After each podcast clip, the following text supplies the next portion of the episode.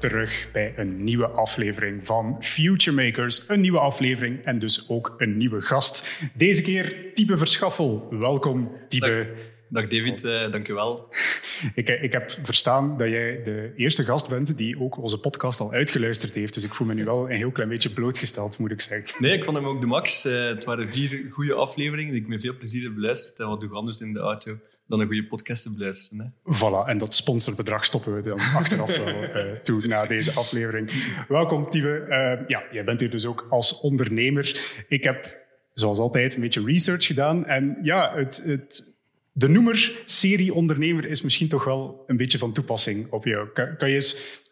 Ik, ik, denk dat ik vooral veel geëxperimenteerd heb. uh, ondernemen zit wel al van jongs af aan in mijn, in mijn bloed, laten we zeggen. Al, al zijn mijn ouders totaal niet ondernemend eigenlijk. Okay. Uh, maar het zat wel echt heel diep in mij. Um, ik wou altijd iets doen. Um, dus ja, ik heb wel van alles geëxperimenteerd. Ik heb ergens in een artikel gelezen en ook van een uh, jeugdvriend bevestigd uh, gekregen hier, uh, dat het begonnen is. een van de eerste initiatieven was propjes verkopen op de speelplaats, waar je dan prijzen mee kon winnen of zo. Ja, ik had dus een pennenzak gemaakt waar ik uh, op elk papiertje schreef ik een prijs. Dat ging van 2 euro tot uh, een blikje monster, uh, weet ik veel wat. En ik stak daar in, in, in, in, een pennenzak, al die propjes, en ik liet op de speelplaats. Ik zat toen in het vierde mulbaar en ik liet iedereen eigenlijk een propje kopen. En, en ik dacht, ik, ik vond eigenlijk voor, dat was voor het lachen, maar iedereen vond dat zo leuk om een beetje casino te spelen. Um, ik heb toch wel echt wel heel wat propjes verkocht. Kijk, de kansspelcommissie luistert normaal gezien niet naar onze podcast, dus dat komt uh, helemaal in orde. Uh, dus ja, eh, van die vroege initiatieven denk ik uh, op een gegeven moment dan ook een kickboxclub opgericht. En dan is het zo een beetje van start gegaan, heb ik de indruk. Ja, eigenlijk wel. Um, ik deed dus op een redelijk hoog niveau judo. Ik was toen ook zwarte gordel. ik was 15 en 16 jaar. En op een bepaald moment mocht je wereldwijd niet meer onder de gordel vechten. Um, in de judo.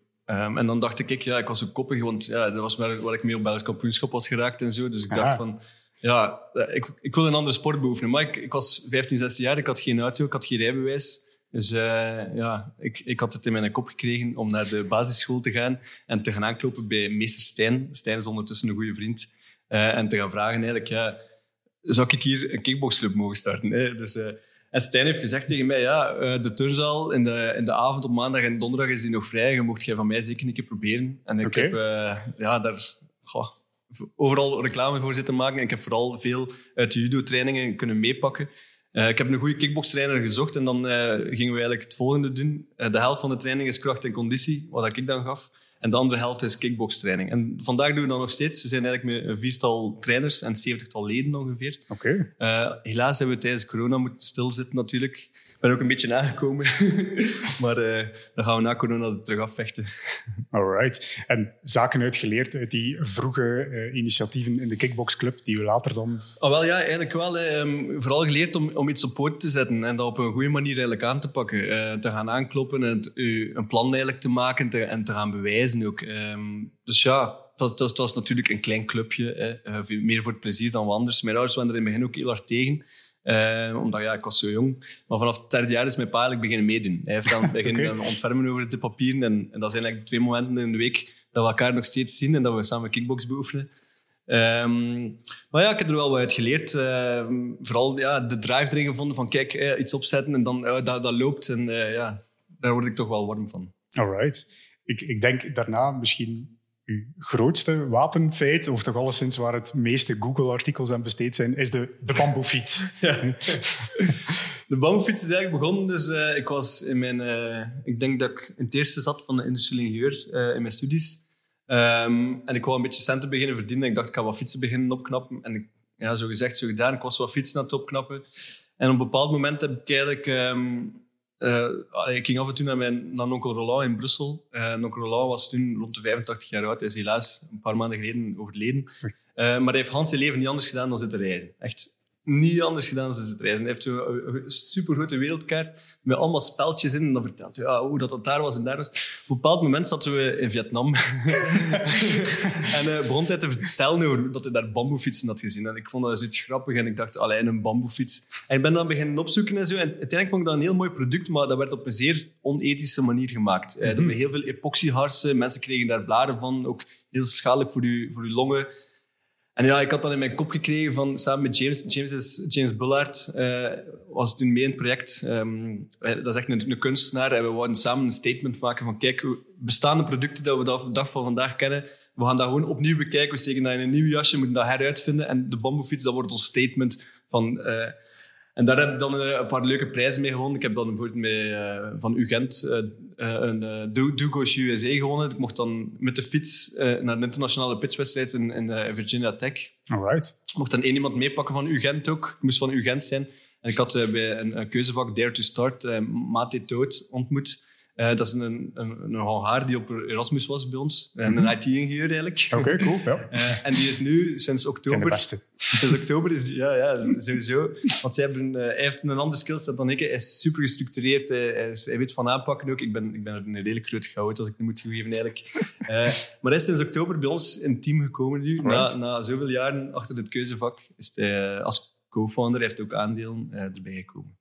Ik heb het ergens gezien dan in een ouder artikel waarbij dat je uh, effectief geclaimd had van ik was nog op zoek, ik ben nog op zoek ja. naar een co-founder, ja. uh, iemand om mijn skills te gaan complimenteren. Ja, ik, ik, vind dat ja, een heel uh, typisch verhaal. Ik kan me er absoluut in vinden. Ik ben ook een van de grotere chaoten. En okay. bij ons is er dan ook iemand bijgekomen, de Tom, even een shout-out naar Tom Vermeulen, moest hij aan het kijken zijn, die bij ons eigenlijk alles op zaken heeft gebracht. Die, die man kikt erop om juiste planningen in te stellen en agendas te vullen en ik, ja, ik, ik, kan niet gelukkiger zijn dat ik er... Uh... En ja, hoe, hoe denk je daar zelf over? Is het belangrijk om zo'n complementair team misschien samen te stellen? Dat dat, als je ondernemer zit, is een van de belangrijkste dingen. Ik weet niet of dat voor andere mensen ook zo geldt. En als je misschien iets ouder bent, klinkt dat logisch. Maar als jonge gast denk ik dat het heel belangrijk is om jezelf supergoed te leren kennen. Mm -hmm. Supergoed te weten van waar jij eigenlijk een krak in, waar jij de beste in. En waar dat jij niet zo goed in bent of, of, of helemaal niet graag doet dat je daar moet je laten tot aanvullen. Ja. Ik denk, uh, een one-man show, dat, dat bestaat niet. Dat lijkt soms zo, maar er is altijd iemand achter de schermen die de, de kwaliteiten aanvult van degene die uh, de show maakt. Gegeven het feit dat er hier vier mensen ook achter de schermen zitten, denk ik dat we dat absoluut, absoluut kunnen beamen. Uh, ja, dat allee, lijkt mij ook van essentieel belang om, om ja, iemand te hebben. Allee, het, het grote probleem lijkt me vooral in het begin om te kunnen loslaten zeg maar. om te kunnen, in het begin moet je misschien nog veel zaken zelf doen. Bij, bij mij is dat toch alleszins geweest. En dan gaandeweg ergens beseffen dat de zaken dat je misschien wel deed en oké okay deed, iemand anders misschien ook wel gewoon beter kan. En dat moet nou, dat is eigenlijk wel waar. Ik heb bijvoorbeeld ook een paar grote zomerbars gehad. En um, ik heb allee, een, een, omzet op twee maanden tijd van 160.000 euro. Dus dat was wel een, een ferme zomerbar. Nu, ik heb daar bijna alles op mijn eigen eigenlijk gepakt. Uh, twintig shopstudenten aansturen, dingen regelen hier mm -hmm. en daar.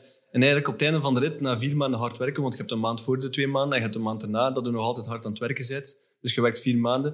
Heb ik eigenlijk niet zoveel overgehouden. Terwijl we wel een gigantische omzet hadden. En ik heb eigenlijk achteraf beseft van, moest ik nu een keer ja, wat meer uit handen hebben durven geven en, en de juiste mensen naast mij eh, hebben gezocht, die ja, bijvoorbeeld ja, alles nauwkeuriger bijhouden en, en, uh, en alles nauwkeuriger opvolgen. Want ik, ik, ben de, ja, ik ben de grote dromer. Ik, ga graag, ik maak graag de grote deals en ik, uh, ik ga er heel hard tegenaan. Ik, ik ga als een trein vooruit.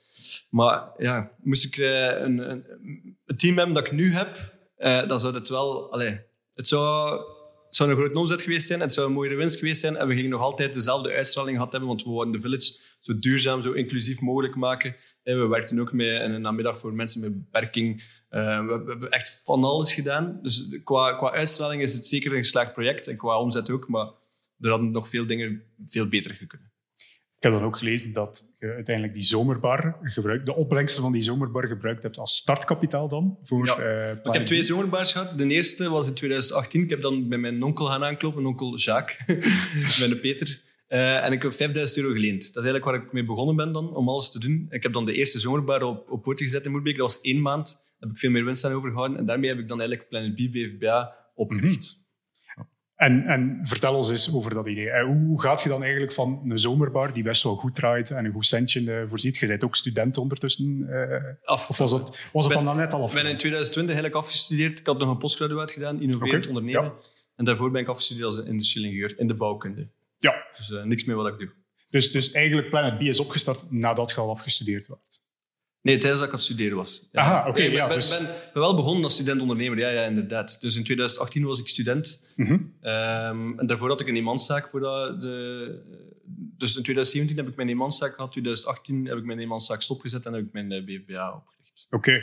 En dus inderdaad, ja, je hebt dan een zomerbar. Ik kan me zo voorstellen, een, een leuke bezigheid tijdens de zomer, goede bijverdiensten. Hoe, hoe maak je dan plots het besluit van, ah, wel, weet je wat, ik ga dat geld nu steken in, in een, ja, een echt bedrijf, een volwaardig bedrijf, niet zomaar een, een tijdelijk iets, maar... Ja, voor mij, ik zie dat eigenlijk allemaal als een leerschool. Ik heb van alles dus geëxperimenteerd en geprobeerd. Ik heb, ik heb echt vooral ontzettend veel geleerd. Dus ik zie niks als een mislukking. Ook die, die zomerbar, want dat was echt ongelooflijk hard. Hè. Dat is eigenlijk misschien het hardste dat ik in mijn leven gedaan heb, omdat je werkt dag en nacht. Je moet er 's morgens staan, je begint een workshop en tot 's nachts zitten te feesten. Eh, maar je moet dan ook al die studenten aansturen. En, dus dat was heel heftig. Eh, ook, dat, was, dat woog zwaar op eh, de mensen die rondom mij zaten. Ehm, ik heb op het einde eigenlijk eh, nog een week alleen zitten alles opruimen, omdat iedereen er gewoon door zat. Ja, echt waar. Het was wel heftig. Maar ik, dacht, voor mij was dat vooral een grote leerschool. Van, ook, ja, gezien van hoe, hoe het wel moet, hoe dat niet moet, wat ik beter kan doen. Ehm, en dan inderdaad, ja, ik ben gestuurd op bamboerietjes. Dat, klinkt, Ja. dat klinkt wel grappig natuurlijk, een bamboerietje. Ehm, ik wist dat toen, in 2018, als ik aan het zoeken was naar rietjes voor de zomerbar, wist ik dat er ooit wel in de komende jaren een plastiekverbod ging komen voor, voor wegwerpplastic. Ja. En ik was zo aan het denken, wat zou er een goed alternatief kunnen zijn? En uiteindelijk, ik dacht, bamboe is wel een goed alternatief als je het eigenlijk op een andere manier aanpakt. Want je moet weten, bamboe is niet homogeen zoals hout. Bamboe is van buiten extreem hard, van binnen super zacht. Hetgene wat wij eigenlijk hebben kunnen toevoegen aan het productieproces, is dat we de binnenkant uitvrezen en polijsten en zorgen, we zorgen ervoor dat en- enkel de gladde, harde buitenkant behouden wordt. Ja. Daardoor ogen ze heel elegant, maar daardoor zijn ze ook vaatwasbestendig. Mhm. We hebben daar heel veel labo-testen voor kunnen eh, laten doen. En daardoor liggen we bijna in alle grote supermarkten in België. Van Colruyt, OK, Bioplanet tot Leijzen, Ava, Sligro. Eh, heel wat bio-winkels ook via de horeca, eh, via distributeurs. En horeca, ja, daar zijn we ook heel hard op gefocust voor de corona. En tijdens de corona was het even de handen in het haar, want ik, ik had verschillende horecabeurzen achter de rug en ik dacht... Ja, het laatste was eigenlijk in 9 en 10 maart. Een paar dagen later was, lockdown. Ja, dan heb ik mij even... eh, ja, want we, eh, we hadden nog duizend kaartjes dat moesten afgaan. En ons zo, we zitten op focussen. En, eh, ehm, ja, dat was even eh, een moeilijk momentje. Maar dan, ja, je begint eh, opnieuw eh, down to earth alles terug te bekijken. En eh, waar gaan we nu naartoe? En ben ik mij super hard op de retail beginnen focussen. En heb ik kunnen zeggen tegen... Eigenlijk, Colruyt was de eerste dat ik bij heb binnengehaald. Heb ik kunnen zeggen van, kijk, we hebben al... eh zoals 300-tal horecazaken. Ehm, dat is ook onze strategie. We willen dat in de horeca mensen drinken met een bamboesrietje. Want mensen Ja. worden dat dan gewoon en dan willen ze dat kunnen kopen. Waarom moeten ze dat kopen? In de dichtstbijzijnde supermarkt.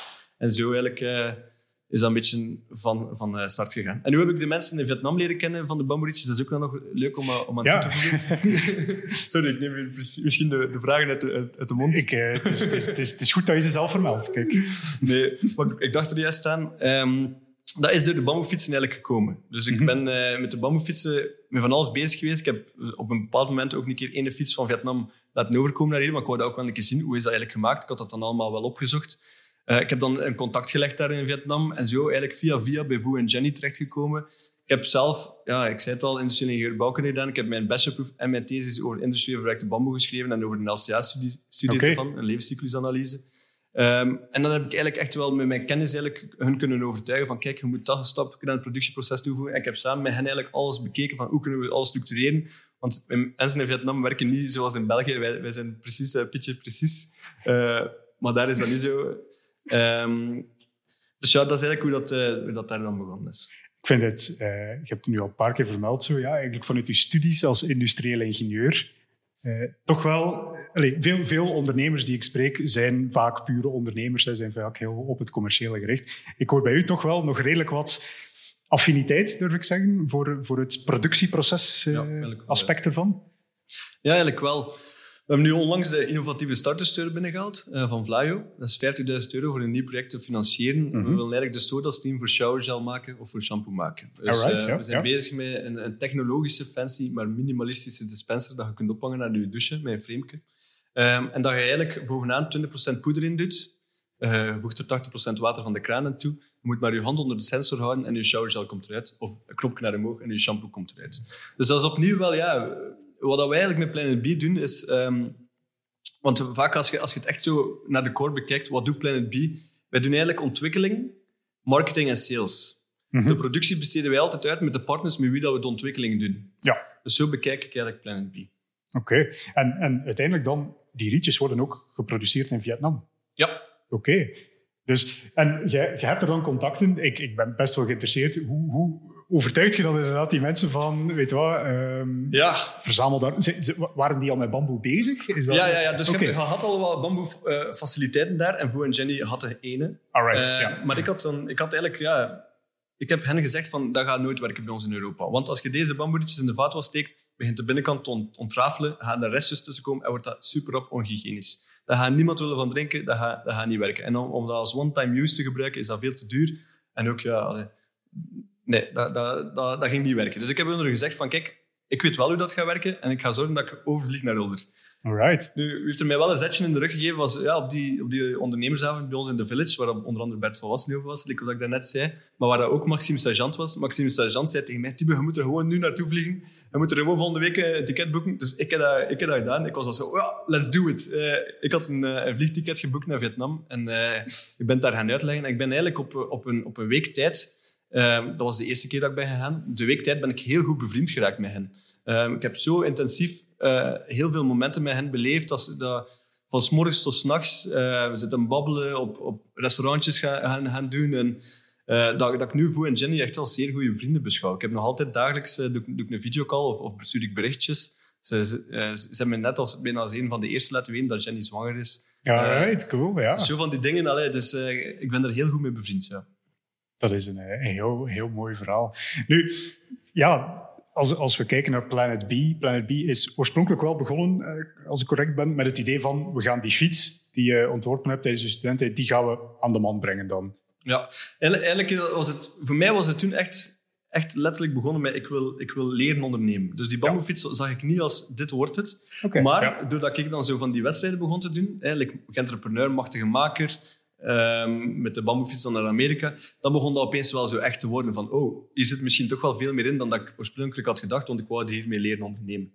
Nu, achter al die dingen, eh, dat je terug wel met de voetjes op de grond staat, terwijl ik ook niet iemand naast mij had die mij met de voeten op de grond trok, wat ik nu wel heb, uh, ben ik dat allemaal weer nuchter gaan beginnen bekijken en heb ik ook wel gedacht van oké, je kunt daar misschien wel een lifestyle business van maken, maar het is ook niet 100% of dat... Allee, het is niet 100% ecologisch, ook nog niet. En je moest, allee, het is ook een fiets. En ja, het was toch niet dat voor mij. Het was wel heel mooi. Voor iemand kan dat misschien een zalig project zijn. Maar ik heb iets grotere ambities. Ja. Dan is het wel eigenaardig dat je van een fiets in één keer bij een rietje bent gekomen.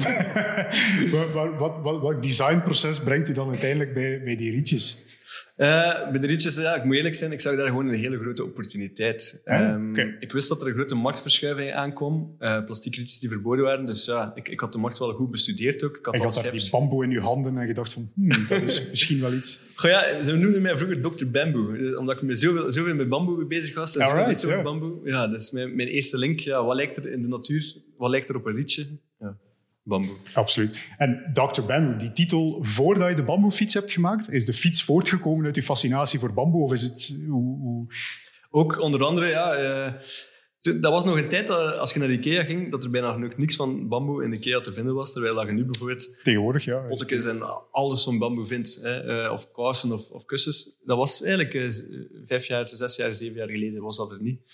Uh, en ik vond dat zeer interessant, want dat is, bamboe is de snelst groeiende plant ter wereld. Er zijn ongeveer 1600 bamboesoorten. Je hebt er 50 uh, eh, ongeveer die uh, dezelfde eigenschappen als hardhout hebben, constructieve eigenschappen hebben. Okay. Um, je hebt bepaalde delen in de wereld waar dat, dat als, een, als een god wordt aanschouwd. En je hebt dan delen in de wereld, like in Zuid-Amerika, waar dat, dat poor man's timber genoemd wordt. En dat alles bij elkaar werd dat, is dat eigenlijk niet veel onderzocht geweest. Vooral omdat dat op veel delen poor man's timber genoemd werd. Hè. De arme mensen die bouwden ermee en ja, er werd niet naar gekeken. Mm -hmm. um, beetje denk ik hetzelfde als met hennep. Met wiet uh, is ook niet ongelooflijk veel onderzocht geweest door het taboe rond wiet, waar dan nu wel veel meer in opkomst is, ook rond CBD en zo. Maar bamboe was eigenlijk hetzelfde. Bamboe is een relatief jonge markt. Uh, je vindt dat... Allee, voor mij het mooiste eigenlijk, hè, als, als bamboe groeit tot, tot, tot zijn volwassen hoogte op zes tot negen maanden kan dat 30 meter hoog worden.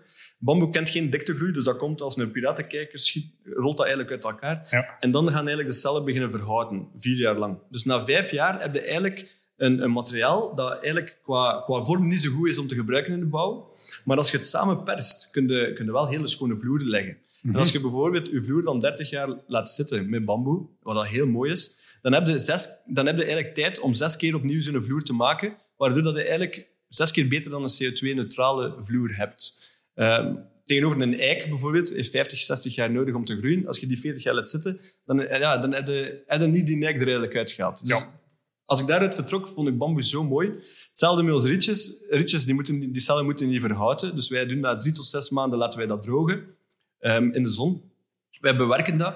Dus ons, we zeggen, ons rietje is ongeveer eh, een jaar en een half eh, is die bamboeplant in gebruik. Maar een rietje gebruik je vijf, zes maanden. Dus ja, je zit met dat rietje ook de verschillende keren dat er een nieuwe bamboeplant op hetzelfde stuk grond- kan groeien. Dus daarmee dat ik dat zo een interessant materiaal vind. Alright, heel goed. Ik heb, ik heb ook zo wel algemeen de indruk dat hout als materiaal toch een beetje aan een revival bezig is. Hout van alle soorten. Eh, vroeger was het van, we gaan geen bomen meer kappen, we gaan het in lekker proper plastiek eh, verpakken. Dat is veel beter voor het milieu. En nu zijn we misschien terug... eh, Ja, ja en ook, ook, ook opnieuw in de bouw. Hè. Ze Ja. nu beginnen met eh, cross-laminated timber, CLT, te werken. Waar dat ze nu in Antwerpen ook een, eh, een, een, een wolkenkrabber gaan bouwen. Ja, ja, uit, inderdaad. Uit CLT, ja, dat vind ik wel... Als we dan toch even nerdy mogen gaan doen, wat is er dat hout die ze eerst koken of bij een bepaalde temperatuur en die dan staalachtige eigenschappen heeft? Ze, ze, ze, ze halen er eigenlijk bepaalde materialen volledig uit, eh, tot als er alleen het skelet overblijft.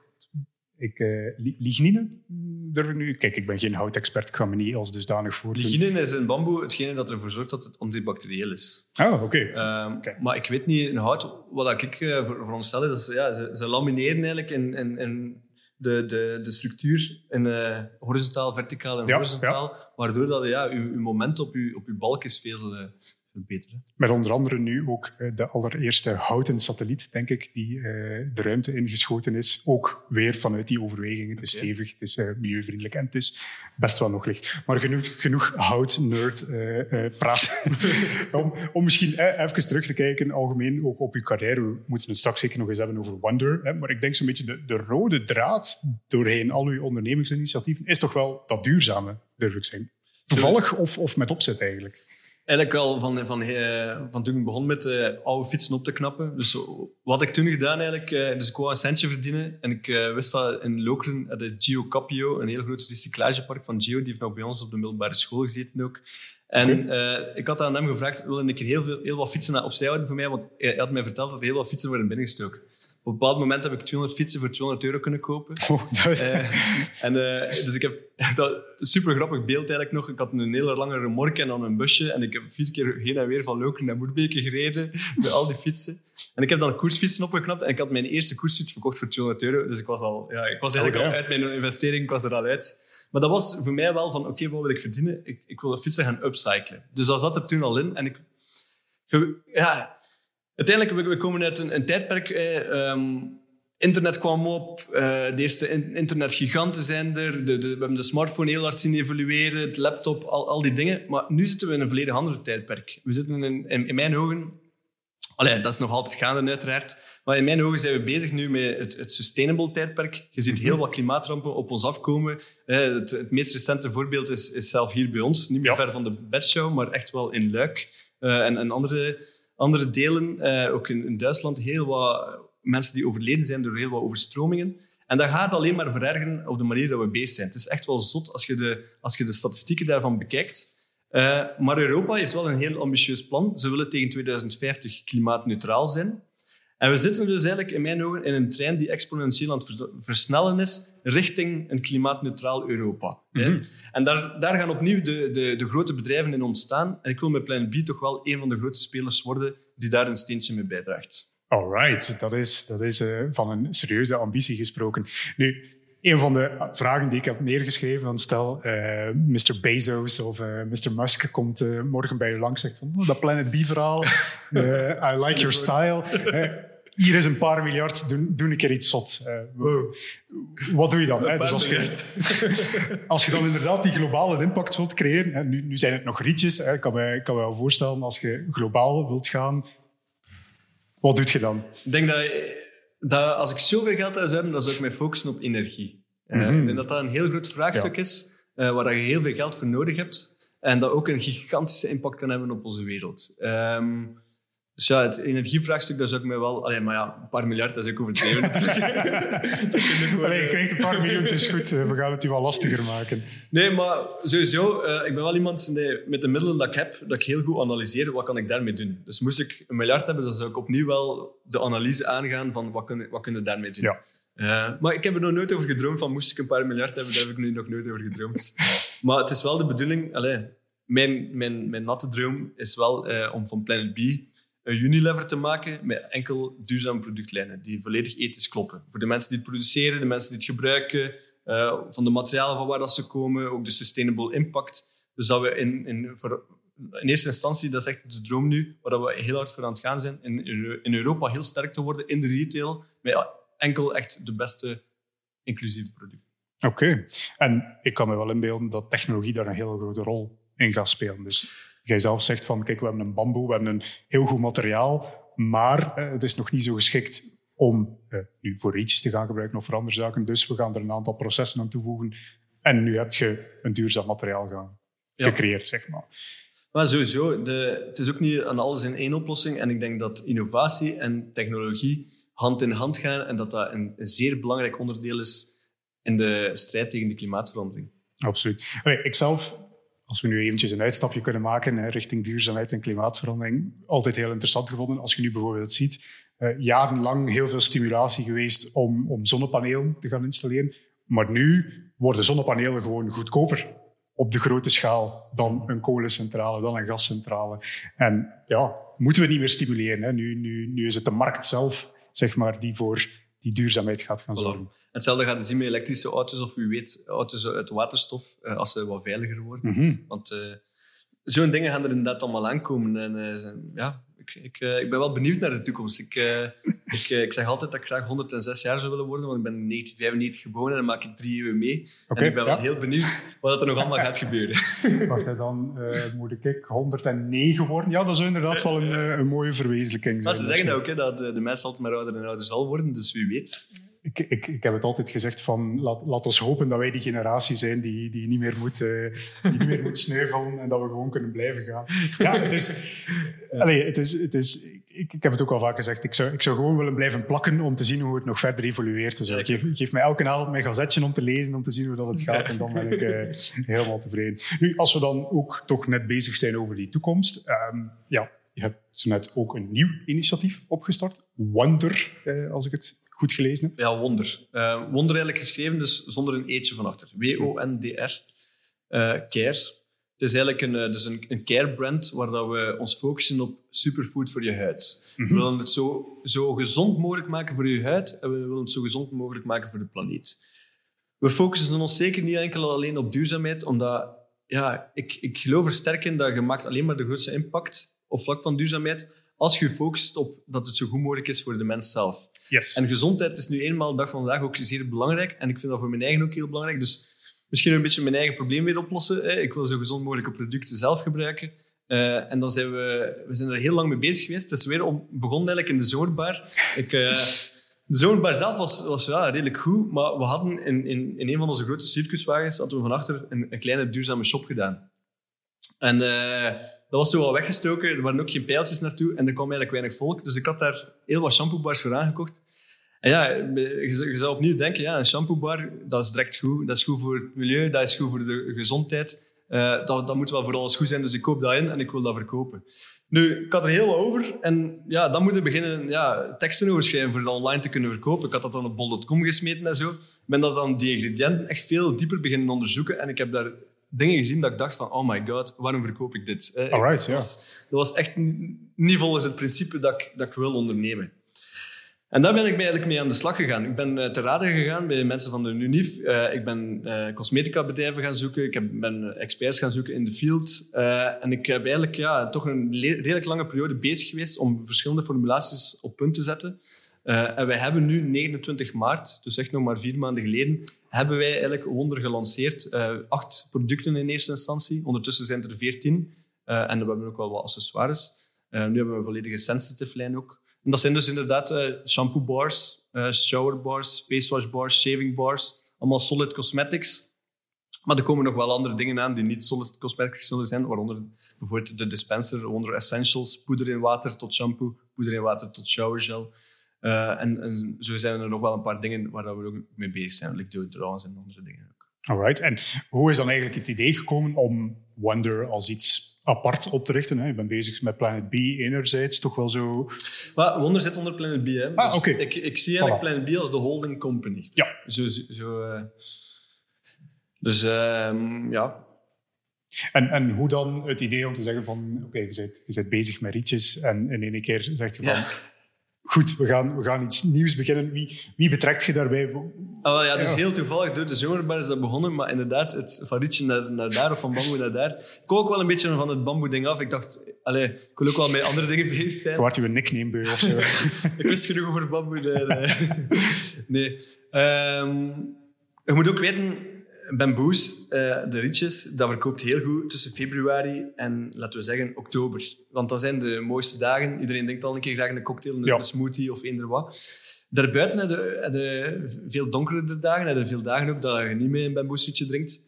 Uh, en dan, ja, we hadden dan die shampoos vandaar. Ik ben dat dan beginnen onderzoeken. Ik had dan zoveel dingen gevonden van, oh my god, dat, wil ik, allez, dat, dat vind ik echt niet oké. Okay. Uh, dat, dat ik mij daarop begin, ben, ben beginnen storten. Ik moet nu zeggen, ik, ik, ik pak Wonder ook volledig anders aan dan mijn boes. Mijn boes is zoiets van, dat moet overal liggen. Mm -hmm. je moet dat overal kunnen vinden. Wonder heb ik echt wel heel sterk van, oké, enkel met deze soorten winkels. Um, het is ook volledig in België geproduceerd. We, we gaan echt wel voor de meest kwalitatieve, beste producten. Uh, we hebben echt supergoeie partners erin gevonden. Um, onze, onze vormen zijn ook super uniek. Je ziet geen enkele andere vorm als ons op de markt. Uh, we hebben dus mallen laten maken daarvoor. We hebben echt wel een super dikke branding, vind ik. Um, dus ik vind dat echt wel het volledige plaatje klopt en dat er vooral veel potentieel zit in, in uitbreidingsmogelijkheden. Uh, en het is echt wel een e-commerce verhaal. Um, dus we richten ons wel deels op de retail, maar het is veel meer een, een direct-to-consumer play, mm -hmm. waardoor dat we de prijzen ook kunnen drukken, uh, waardoor dat we op een andere manier er tegenaan kunnen gaan. Um, dus ja, ik, ik, heb er, ik krijg er heel veel goesting van. ja, ik hoor het echt wel. En ik, ik vind het heel leuk om je te horen spreken ik heb de indruk dat je echt wel heel nauw betrokken bent bij het hele proces. Ik verkoop wat, wat, wat, zeep en ik kijk naar de ingrediëntenlijst. En wat is dat hier allemaal? Dus ga ik zelf wat formules gaan uitproberen. Ik, ik, ik hoor dat trouwens echt niet graag. Eh, het, het woord zeepblok of zeep. Ah, ja, juist. Want, want inderdaad, inderdaad, inderdaad. Maar ik hoor dat niet graag, omdat wonder is zeepvrij. Hè? Inderdaad. Uh, maar ja, dus dat is nu eenmaal de, de volks... In de volksmond zeggen we dat nu eenmaal. Uh, daarmee noem ik het liever een, een bar. Het is misschien, uh, ja, dat klinkt misschien wat stom, maar het is zeepvrij. Zeep heeft een, pH-waarde van rond de 9. dus uw, uw huid heeft ongeveer 5,5, 6 um, pH-waarde. En als je daar een niet zo hoge pH-waarde aan doet, dan weet je ook hè, dat is een basis dat ontvet. Dus dat haalt eigenlijk je huidbarrière een beetje weg, wat dat niet zo goed is. Je krijgt er ook een stroef gevoel van. Uh, hetzelfde met je haar, waar dat nog veel belangrijker is. Dus wij hebben eigenlijk gaan zitten zoeken van, oké, naar een derivaat, derivaat van kokosnoot, SCI. Hoe kunnen we dat zo pH-neutraal mogelijk krijgen met dan de andere ingrediënten erbij?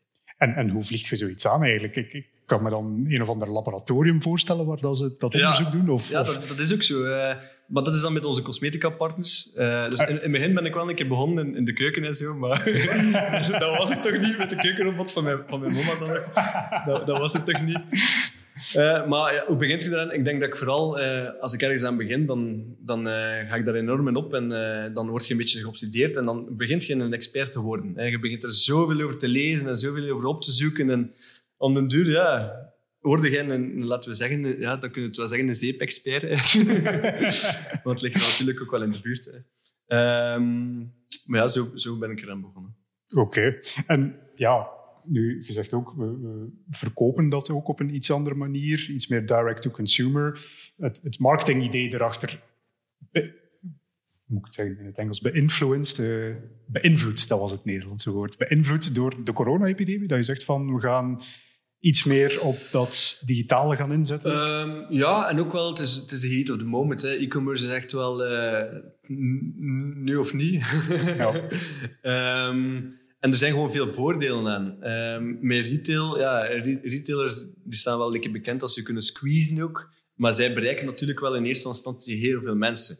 Nu, een, een, een bamboesrietje, je kunt dat zo, zo, mooi, zo elegant en zo mooi mogelijk maken en, en wel functioneel heel goed voor in de vaatwas te steken. Maar het blijft natuurlijk een bamboerietje. Je gaat er niet een volledige community of een brand mee opzetten. Terwijl ik dat met Wondercare wel wil, wil, wil, uh, wil krijgen. Ik wil echt wel een, een, community van mensen die dezelfde ambities beamen zoals ik, die dezelfde visie naar de toekomst hebben en die ons ook helpen eigenlijk met onze producten te, te verbeteren en te verbeteren. Dus wat ik ook mee hard op inzet, is, is op feedback. Ik moest uh, bij ons een product kopen, hadden heel rap merken dat we heel tijd feedback vragen en dat we daar zelf dingen voor laten winnen en, en, en dingen voor geven. Omdat we heel de tijd ook met al die feedback aan de slag gaan en daar ook gewoon onze producten beter en beter willen uh, maken. Oké. En, dan, en dan kies je niet voor de supermarkt, omdat als je in de supermarkt ligt, ja... We liggen bijvoorbeeld in YouTube. YouTube is van uh, Ice Adventure, van Retail Concepts. Ah, ja, die hebben acht concept stores over, over Vlaanderen. Uh, zij, zij zijn op Instagram bijvoorbeeld ook 30.000 eh, volgers of zo. En zij pushen ons naar voren, zij geloven in ons verhaal en zij, zij, zij pakken ons verhaal samen mee aan. Terwijl als ik in de kool lig, eh, voor een, zo een boekje dat je thuis krijgt, zo een folderken, dat ja, helaas de meeste mensen direct wegsmijten, vrees ik, dan moet je 12.000 euro voor betalen voor daar gewoon in te staan. Oeh, oké, dat is wel... Uh... Dus je, je, ofwel zijn inderdaad al een Unilever met miljarden, ofwel moet je echt direct to consume je verhaal gaan vertellen, wat zijn je ambities en, en gewoon, ja, er zit veel meer groeipotentieel in het uh, direct to consumer. Dat vind ik wel heel interessant, want dat, dat, fascineert mij altijd in startende ondernemingen. Vaak moeten die zo hun plaats zoeken en ook partneren met grotere ondernemingen. We hebben dat denk ik al bij iedere gast zo min of meer al gehad. Van, toen het pas begon was het niet groot, maar ik moest wel al samenwerken met Proximus, weet ik veel wat allemaal. Mhm. Eh, hoe, ja, hoe, hoe, vlieg je zoiets aan, zeg maar? Hè? Hoe ga je eigenlijk naar Colruyt om te zeggen van hier, ik heb hier wat bamboerietjes ik, uh, ik wil dat graag verkocht krijgen, zonder inderdaad gesqueezed te worden ja, for all your worth. Ik, ik denk dat ik vooral, uh, dat is wel een goede vraag, ik denk dat ik vooral een, een, een, ehm, een volhouder ben geweest. Ik heb, uh, op een van de horecabeurzen had ik iemand ontmoet die iemand kende bij Colruyt. Alright, ja. Dus via via. Ik ben dan bij Stefan geraakt. Ondertussen is Stefan ook, ja, ik heb hem ook graag. Ik noem hem zelf al Stef. ik ben erbij geraakt, maar in het begin was dat echt zot moeilijk ik heb hem dan om de, om de week eigenlijk, elke woensdag, ik had dat in mijn agenda om de week, bleef ik hem bellen. En ik heb hem gewoon ja, van alles blijven uitleggen, tot ik een keer bij hem uh, in, in, in, Halle uh, bij Colruyt zelf mocht gaan. En ik mocht mijn presentatie gaan geven en mijn uitleg doen en ook hoe dat we het allemaal zagen. En dan we weer blijven bellen tot een bepaald moment ik weet dat nog heel goed. Ik zat dan, ik zat dan op skireis. Uh, en dat was uh, even stoppen. Want uh, ja, ik had telefoon van Stefan. Ik moest snel naar, naar beneden. dus ik, ik, ik, bel en dan prijzen onder andere aan de telefoon. zo is dat eigenlijk begonnen. Alright, cool. cool Ja, ik denk een, een groot deel van ons publiek, ik herhaal het ook in iedere aflevering, zijn, zijn die jonge ondernemers, die studentenondernemers, concreet advies ook voor, voor hen. Ik kan me wel inbeelden van ga, wees volhardend misschien als je met grotere spelers te maken hebt. Ja, en ook um, weet hoeveel wat je kiest ook, denk ik. Ik denk ook niet, iedereen moet niet de CEO zijn of, of uh, iedereen... In een onderneming heb je veel belangrijke key-spelers en jij moet gewoon goed vinden wie dat jij bent in de onderneming. Mm je moet je ook niet laten afschrikken van als je niet zo goed kunt babbelen, gelijk jij of ik. Uh, er zijn veel mensen die andere capaciteiten hebben dat wij totaal niet bezitten. Um, dus je moet heel goed weten ook wat, wat, is je plaats in de onderneming. En dan moet je er klaar zijn om, om er veel dedication aan te geven. Uh, als je eh, van 9 to 5 wilt werken en je wilt thuiskomen en van alles leuke dingen doen, en dan in het weekend ook heel eh, andere dingen doen, dan weet ik niet of je per se ondernemer moet worden. Ik ben wel iemand die ook 7 op 7 werkt. Je gaat mij op zondag ook werken. Ik, en ik zie dat ook niet als werk. Ik ben gewoon echt heel graag bezig met wat ik aan het doen ben. Ja. Uh, ik heb daar gewoon heel veel dedication voor. En ik had dat tijdens mijn studentenjaren ook al. Ik, had, ik ging eigenlijk nooit naar de les, dus uh, uh, enkel in de examens blokte ik wel hardcore. maar ik had dus ook al heel veel tijd tijdens mijn studentenjaren. En ik ben dan ook gewoon al heel veel bezig geweest met van alles wat ik aan het doen was. Ik, ik had echt wel het plan van, als ik afgestudeerd ben, dan moet mijn onderneming up and running zijn, want ik wil niet ergens gaan werken. Dat was wel mijn plan toen. Alright. Ja, ik, ik ik, zeg, ik heb er ook al meerdere keren over gesproken dat ik verbaasd ben in, in de student-ondernemer. Ik in mijn tijd, ik was, uh, ik was ook niet een student die veel naar de les ging, maar die ook nu niet een heel bedrijf uit de grond aan het stampen was ondertussen. Is, is dat eigenlijk de beste tijd om te beginnen in uw, in uw studententijd? Ja, 100 procent. Ik denk dat uh, je, hebt, je hebt geen kinderen, je hebt, je hebt misschien wel een lief, maar het is niet dat, uh, dat je al getrouwd bent, laten we zeggen. Ja. je hebt geen huis af te betalen. Um, misschien moet je een beetje gaan bijklussen om je kot te kunnen betalen, maar dan nog... Uh, plus, je hebt superveel mensen die eigenlijk klaarstaan om je te helpen. Gratis zijn voor niks. Je hebt super, ik heb nog altijd veel mensen dat ik spreek van, van Doe, Doe Durf Ondernemen uh, van Gent. Like Steve -hmm. Stevens, Tom van Damme, echt zalige kerels. Of van Gentrepreneur. Uh, je hebt gewoon langs heel veel kanten ondersteuning. Ik ben ook wel iemand die als ik, aan iets wil, als ik met iets bezig ben, dan ga ik, dat, ga ik mijn idee bij echt wel honderd mensen gaan aftoetsen. Een keer met mijn mama, een keer met mijn papa, mijn opa, mijn oma, maar ook gewoon businessmannen. Zelf iemand die, die 30 miljoen op een jaar draait. Ik probeer bij iedereen aan te kloppen uh, om gewoon alles af te toetsen. En dat heb je gewoon in je studententijd, heb je daar de kans toe om dat, om dat te doen. Ja. Uh, dus ik zou zeggen, pak dat met beide handen aan en uh, ja, let's go. Hè.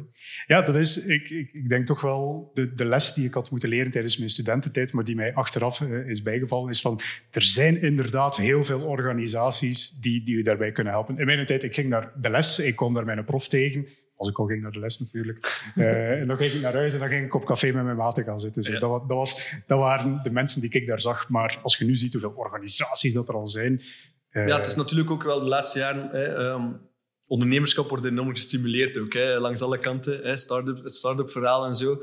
Uh, en dat, ja, dat brengt natuurlijk andere dingen in, in, beweging dan ook. Dus er zijn ook wel meer organisaties aan het opstaan. Uh, denk aan netwerkondernemen, denk aan Robico. Uh, het er wel van, al, allerlei. ik, zei, ik heb zelf bij KBC Started nu mm -hmm. een jaar in de accelerator meegedaan, tot april dit jaar.